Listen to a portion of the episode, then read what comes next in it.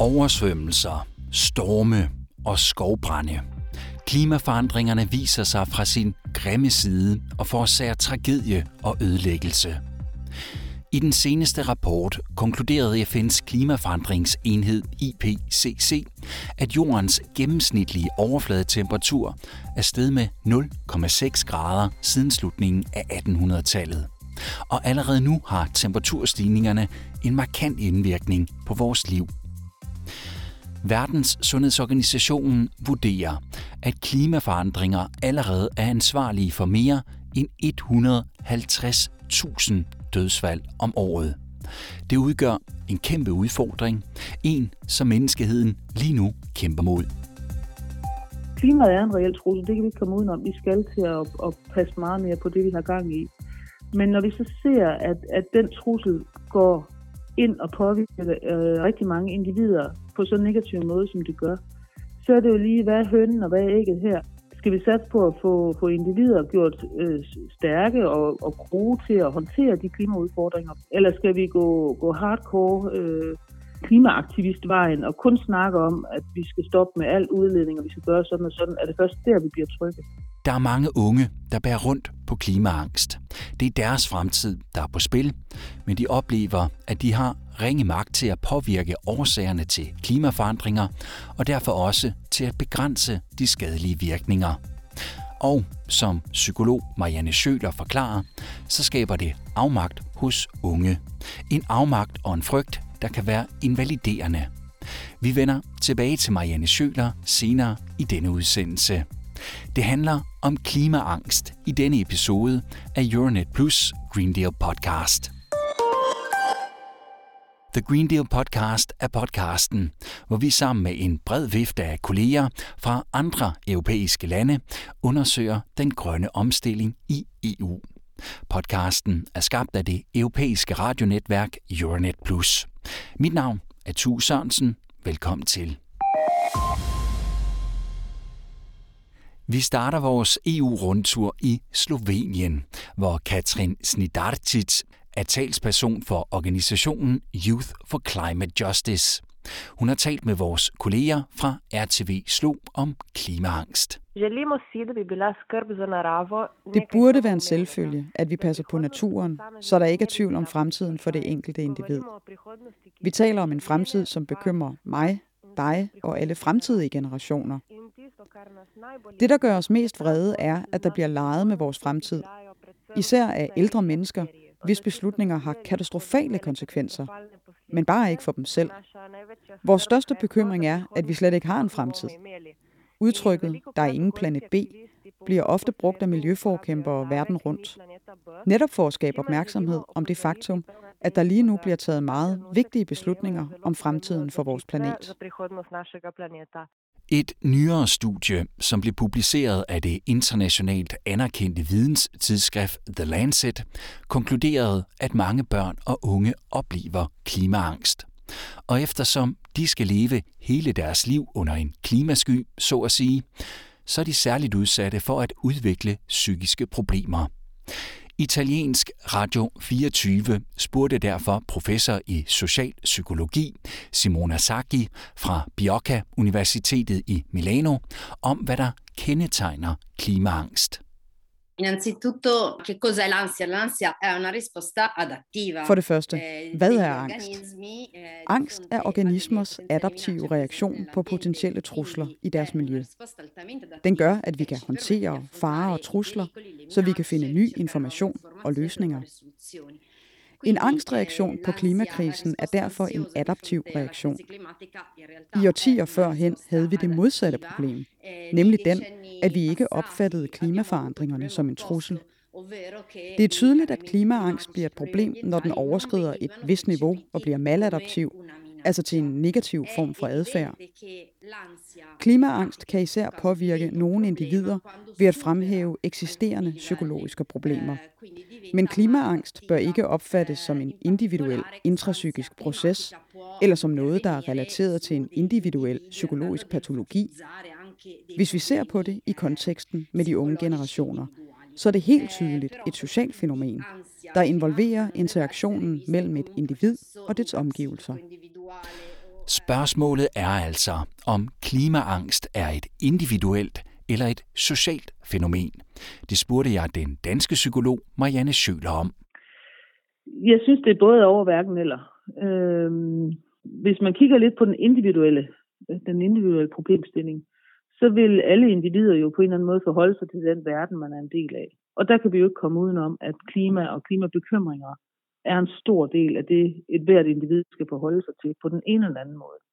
Og når du så spørger, om det også er et socialt problem, så vil jeg også svare ja øh, til det, forstået på den måde, at igen, især når vi ser de unge mennesker, så, så er der jo faktisk nogen, øh, der snakker sådan lidt om, om klimashaming. Altså hvor, hvis, hvis ikke man som ung har de rigtige holdninger og meninger og indkøbsvaner og levestilsvaner, så, så er der faktisk en social risiko for at blive shamed, eller i hvert fald en frygt for, at andre ser kritisk på en, hvis ikke man lige er helt perfekt i sin klimapåpasselighed. Øh, og så bliver det jo et socialt problem. Milano, Zagreb, Bruxelles, Sofia, Riga. I Estland er Madis Vasser, som også har en mastergrad i psykologi, medlem af Estlands grønne bevægelse. Han har selv oplevet klimaangst og har til vores kolleger på Kuku Radio fortalt, hvordan lidelsen typisk udvikler sig. äh, Der er psykologer med speciale i klima, som har etableret de faser, man går igennem, når man får klimaangst. Den første er opdagelsesfasen. Her opdager jeg et miljøproblem, jeg ikke kendte til. I fase 2 undersøger jeg problemet og finder ud af så meget jeg kan om det. Man lærer mere om problemet, og måske bliver man mere bekymret, fordi man troede, det var et mindre problem. Men så finder du ud af, at det er langt større. Den tredje fase er, at man forsøger at gøre noget ved det. Ikke bare gøre noget, men prøve at gøre alt, hvad du kan. Nu hvor du er opløst, så må du bare gøre noget for at løse problemet. Men mange unge mennesker, særligt dem mellem 14 og 25 år, føler sig bedraget og forladt i klimadebatten. Derfor er psykologer og andre aktører inden for mental sundhed allerede bagud på point og kæmper med at finde de bedste måder at hjælpe på.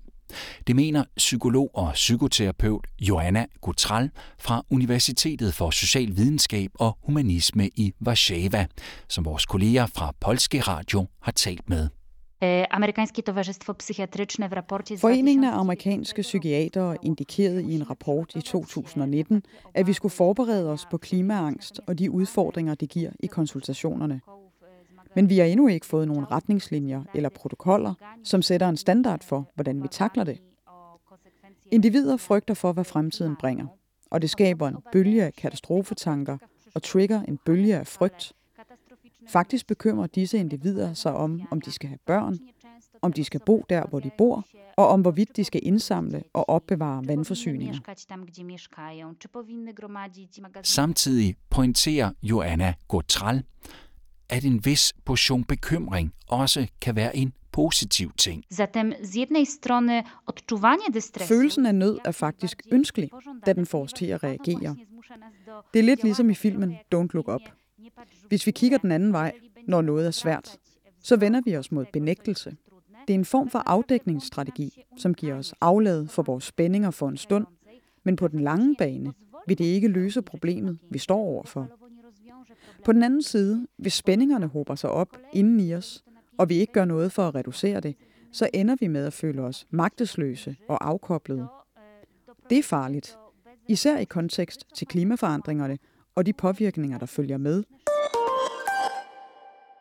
Faktisk kan massebevægelser, som for eksempel Fridays for Future, en global klima- og ungdomsbevægelse, der blev skabt i 2018 for at råbe politikerne op, være med til at hjælpe folk til at udnytte deres klimaangst. Det mener den belgiske klimatolog Jean-Pascal Van Ypersele, som sidder med i FN's klimapanel. Je pense que tout le monde a euh, ce pouvoir. Jeg mener, at alle har magten til at udfordre de politiske beslutningstagere, de økonomiske aktører og vores arbejdsplads. Og at den magt, hvis den bruges af masserne, kan skabe radikale ændringer for, hvordan verden fungerer. Se på, hvad de unge mennesker opnåede i 2019 op til Europaparlamentsvalget. Inspireret af Greta Thunberg og i Belgien, Anuna de Wever, Adelaine Chalier, Kira Gantois osv. De startede en bevægelse, som 100.000 vis af unge i hele verden er en del af. De havde en ekstraordinær indflydelse på europæisk niveau, og jeg er overbevist om, at det er tak være dem, at EU's planer er blevet mere grønne, mere miljøvenlige og så fokuseret på at gøre Europas økonomi mindre afhængig af kulstof. Og det er den danske psykolog Marianne Schøler enig i. Klimaangst kan bruges til noget positivt.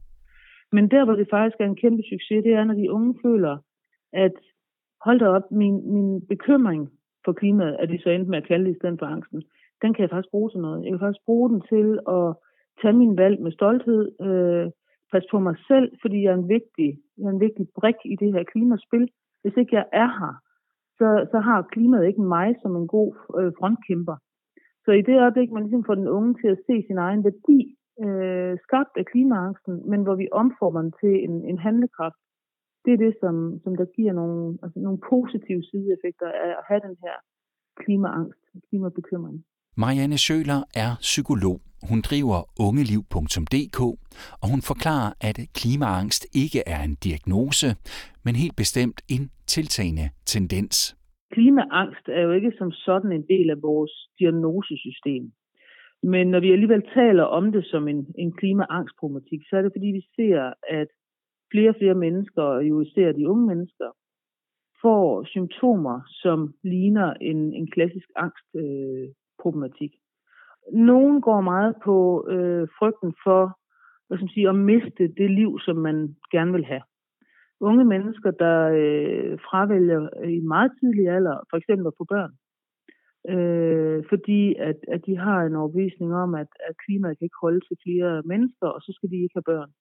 Så hvis man er 14 år gammel eller 15 år gammel og allerede tager den beslutning, det kan jo godt give anledning til en opgivenhed på, jamen hvad, hvad er der så for mig fremadrettet? Altså hvor vi faktisk ser tendens til, at det går at blive næsten noget opgivende depressivt. Så har vi en anden gruppe unge, der henvender sig rigtig meget med øh, decideret de her angstreaktioner, altså hvor de begynder at få paniktanker, mareridstanker, dommedagstanker omkring klimaet og de miljøpåvirkninger, som, øh, som man ser rundt omkring.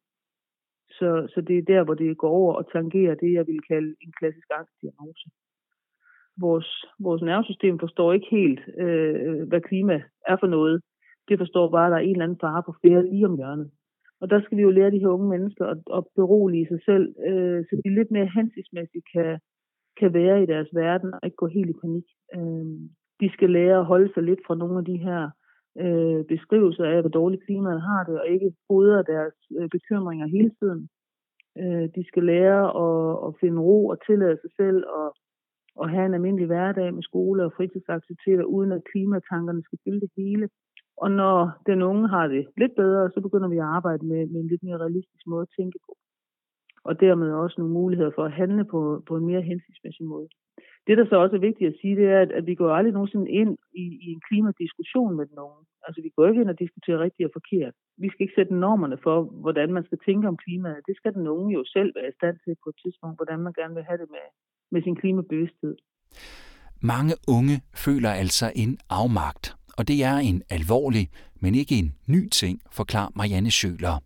Hun sammenligner forklaringerne om, at der ikke er en planet B med noget, der tidligere udløste store bekymringer. Jamen, man kan jo sammenligne med dengang, der var frygten for, for atomkrig, altså for kold krig. Det kan jeg da huske i min ungdom. Nu er jeg jo så gammel, så jeg kan godt huske dengang, man faktisk reelt gik og bekymrede sig som ung teenager for, hvad nu, hvis der var nogen, der trykkede på den der øh, røde knap? Hvad så? Afmagtsfølelsen blandt de unge, det er noget af det værste. Altså, det er noget det, vi skal passe rigtig meget på, fordi unge i afmagt, de har deres skidt. Så det vi skal have fokus på i forhold til den her, øh, at der ikke er en planet B, det er faktisk, at vi skal give de unge følelsen af kompetence, følelsen af betydning, øh, følelsen af, af medindflydelse på mange flere ting, end vi gør i dag. Og det er jo noget af det, hvor, hvor man rent psykologisk ved, at når et menneske føler sig kompetent og føler sig handlekraftig, at så er vi meget bedre rustet til også at klare øh, store kriser i flok og, og i, på individuel plan, end man er, når man som individ føler sig afmonteret og, og afmægtig.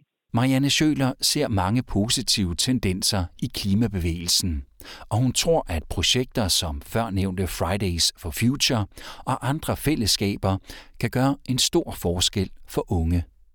Jamen altså først og fremmest er mange af de projekter, som, som du også nævner her, de har jo først og fremmest det her med, at man skaber et fællesskab omkring en opgave, man aldrig kan, kan løfte som, som en person.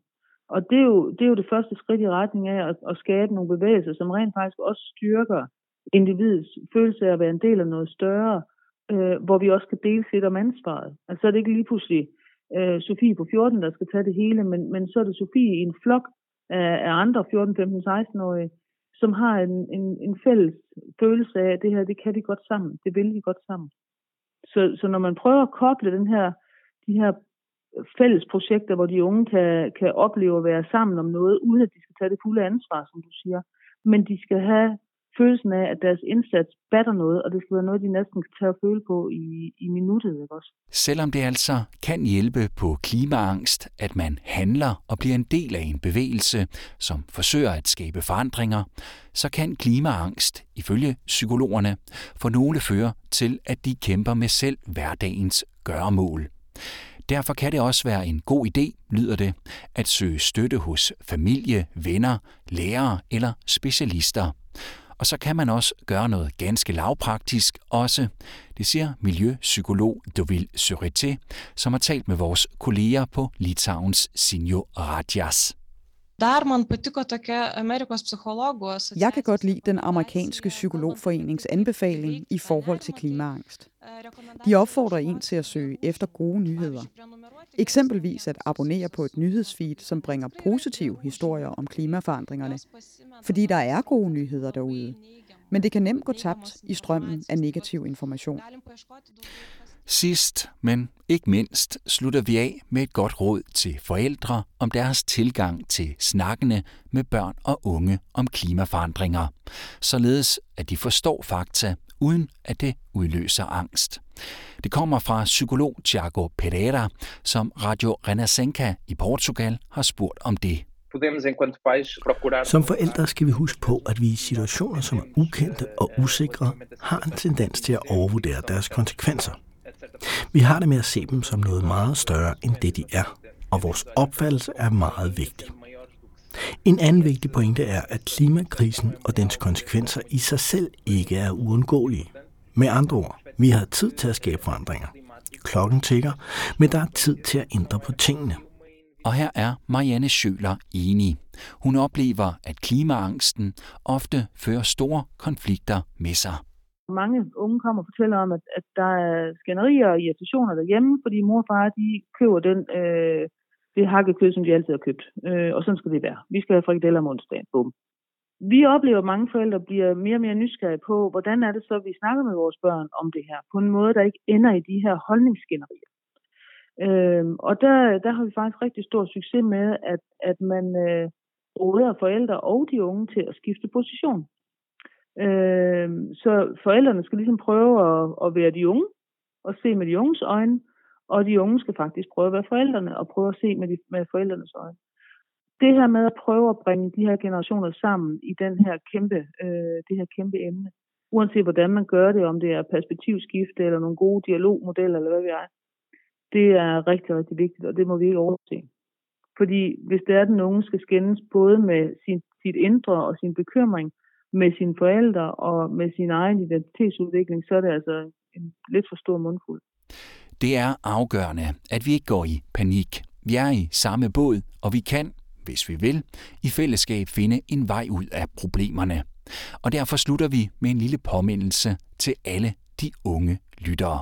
Så vil jeg bare sige til alle jer unge mennesker, at, at hver eneste lille gang, I, I tager en, en lille overvejelse, samler det der stykke papir op og smider det i en skraldespand, øh, lige øh, selvom far han ikke gider at, at, at klemme de der øldåser sammen og, og aflevere dem genbrug, så fisker vi dem op af skraldespanden, og det er de kæmpe store beviser for, at de er gode nok. Så, så det her med, at selvtilliden og selvværdet øh, meget hurtigt kan blive ramt i den her uoverskuelige kæmpe dyne af at være god nok i, i klimakampen.